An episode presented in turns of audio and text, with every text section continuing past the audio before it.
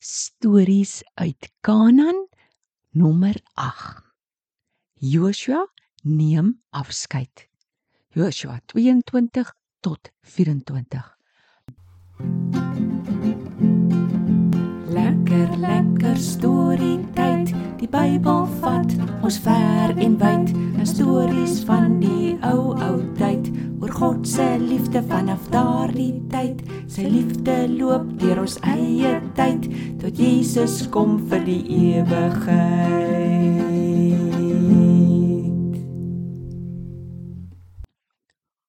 Hallo Tobias, hallo maats. Hallo julle. Hoi. Vandag hoor ons nog die laaste storie van Joshua. Danny, dat sê 'n mens as jy weet jy gaan nou ander doodgaan. Tobias, ek weet dit. Dalk sê kinders van God ander dinge as mense wat nie vir Jesus gekies het nie. Maar kom ons luister wat het Joshua gesê kort voor sy dood. Dis reg, laat ons hoor. Julle Die Israeliete het toe al baie grond in Kanaan gekry. Joshua het gesê dit was nou tyd dat die stamme Ruben, Gad en die halwe Manasse stam kon teruggaan na hulle grond toe ander kant die Jordaanrivier. Joshua het hulle geseën. Hy het hulle gevra dat hulle tog altyd die Here moet lief hê en dien. Danny, hulle daar seker bly. Ek dink so, want nou kon hulle bietjie rus na al die geveg. Maar o aarde. Daar kom toe ampertjies 'n fout. Die klomp Israeliete het getrek tot by die Jordaan. Net voor hulle oorgaan, bou hulle toe 'n altaar. Dit was blykbaar 'n kom kyk mooi altaar. Daar was nou nie selfone soos vandag nie, maar die storie oor die groot altaar kom toe vinnig vinnig by die ander Israeliete uit. Die ander Israeliete raak toe kwaad. So kwaad dat hulle soldate bymekaar kry om te gaan oorlog maak teen Ruben, Gad en Manasse. Oorlog nog teen hulle eie mense? Hoekom? Tobias, gelukkig voor hulle met hulle spiese en swaarde vertrek, stuur hulle eers die seun van die hoëpriester Pinias en ook nog 10 volksleiers na Ruben hulle toe. Hulle by Ruben hulle kom, vra hulle: Hoi. Wat dink julle doen julle? Julle is mos nou nie meer lief vir die Here nie.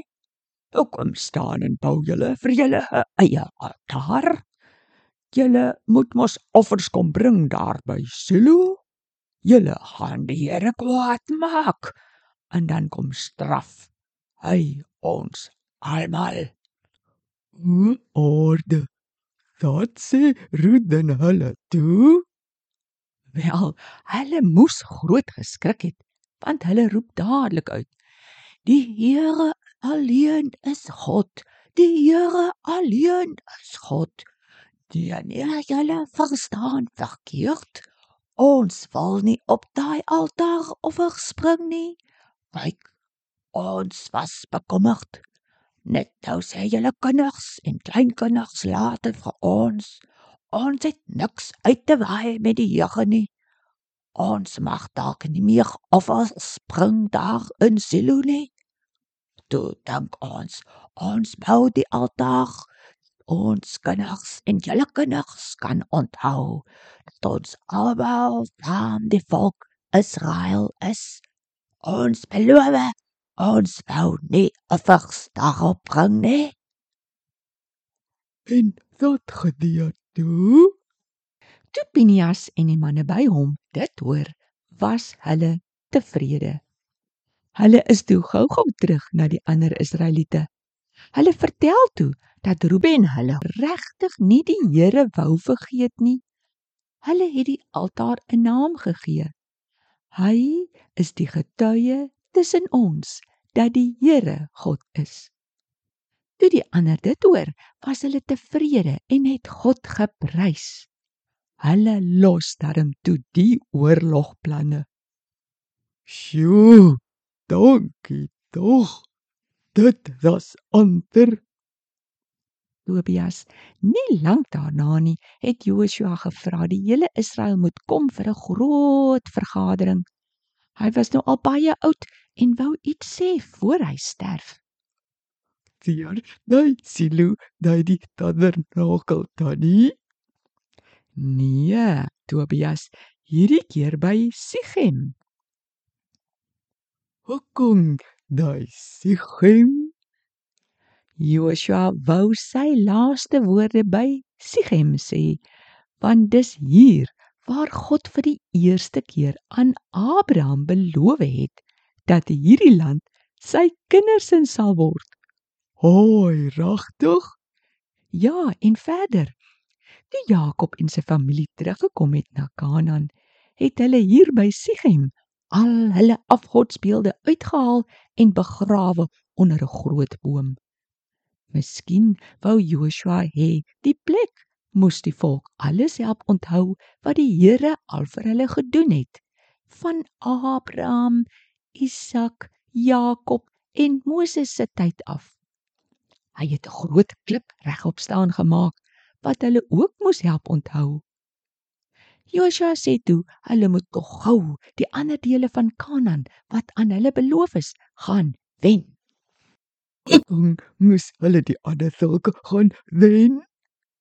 Tobias, Joshua het hulle gewaarsku dat as hulle by die Kanaaniete begin kuier en hulle dalk met mekaar trou, dan kon die Here mos nou nie meer vir hulle help om hulle te wen nie. Dit sal dan baie sleg met Israel gaan. En uiteindelik sal Israel uit Kanaan moet weggaan. Joshua het gesê: Mense, kies vandag vir wie julle gaan dien. Die afgode van ander volke of vir God? Maar ek en my huis, ons gaan die Here dien. Die Israeliete het toe beloof hulle sal die Here dien. Weet hulle toe dan nie? Tobias, by daardie stories gaan ons een van die dae uitkom. Julle, Joshua was 110 jaar oud toe hy gesterf het. Die priester Eleazar het ook gesterf. Die Israeliete het al die pad van Egipte af die liggaam van Josef saamgedra. Hulle kon dit ook nou begrawe. Ons lees dat Israel die Here bly dien het solank die leiers geleef het wat vir Joshua geken het. Tannie Akkus laai. Maar ek dink ons moet vandag se storie net hier stop. Voor ons dalk hoor dat Israel die Here vergeet het. Gods, kom ons sê ook Joshua se woorde. Ek en my huis ons sal die Here dien. Tutsins, all know.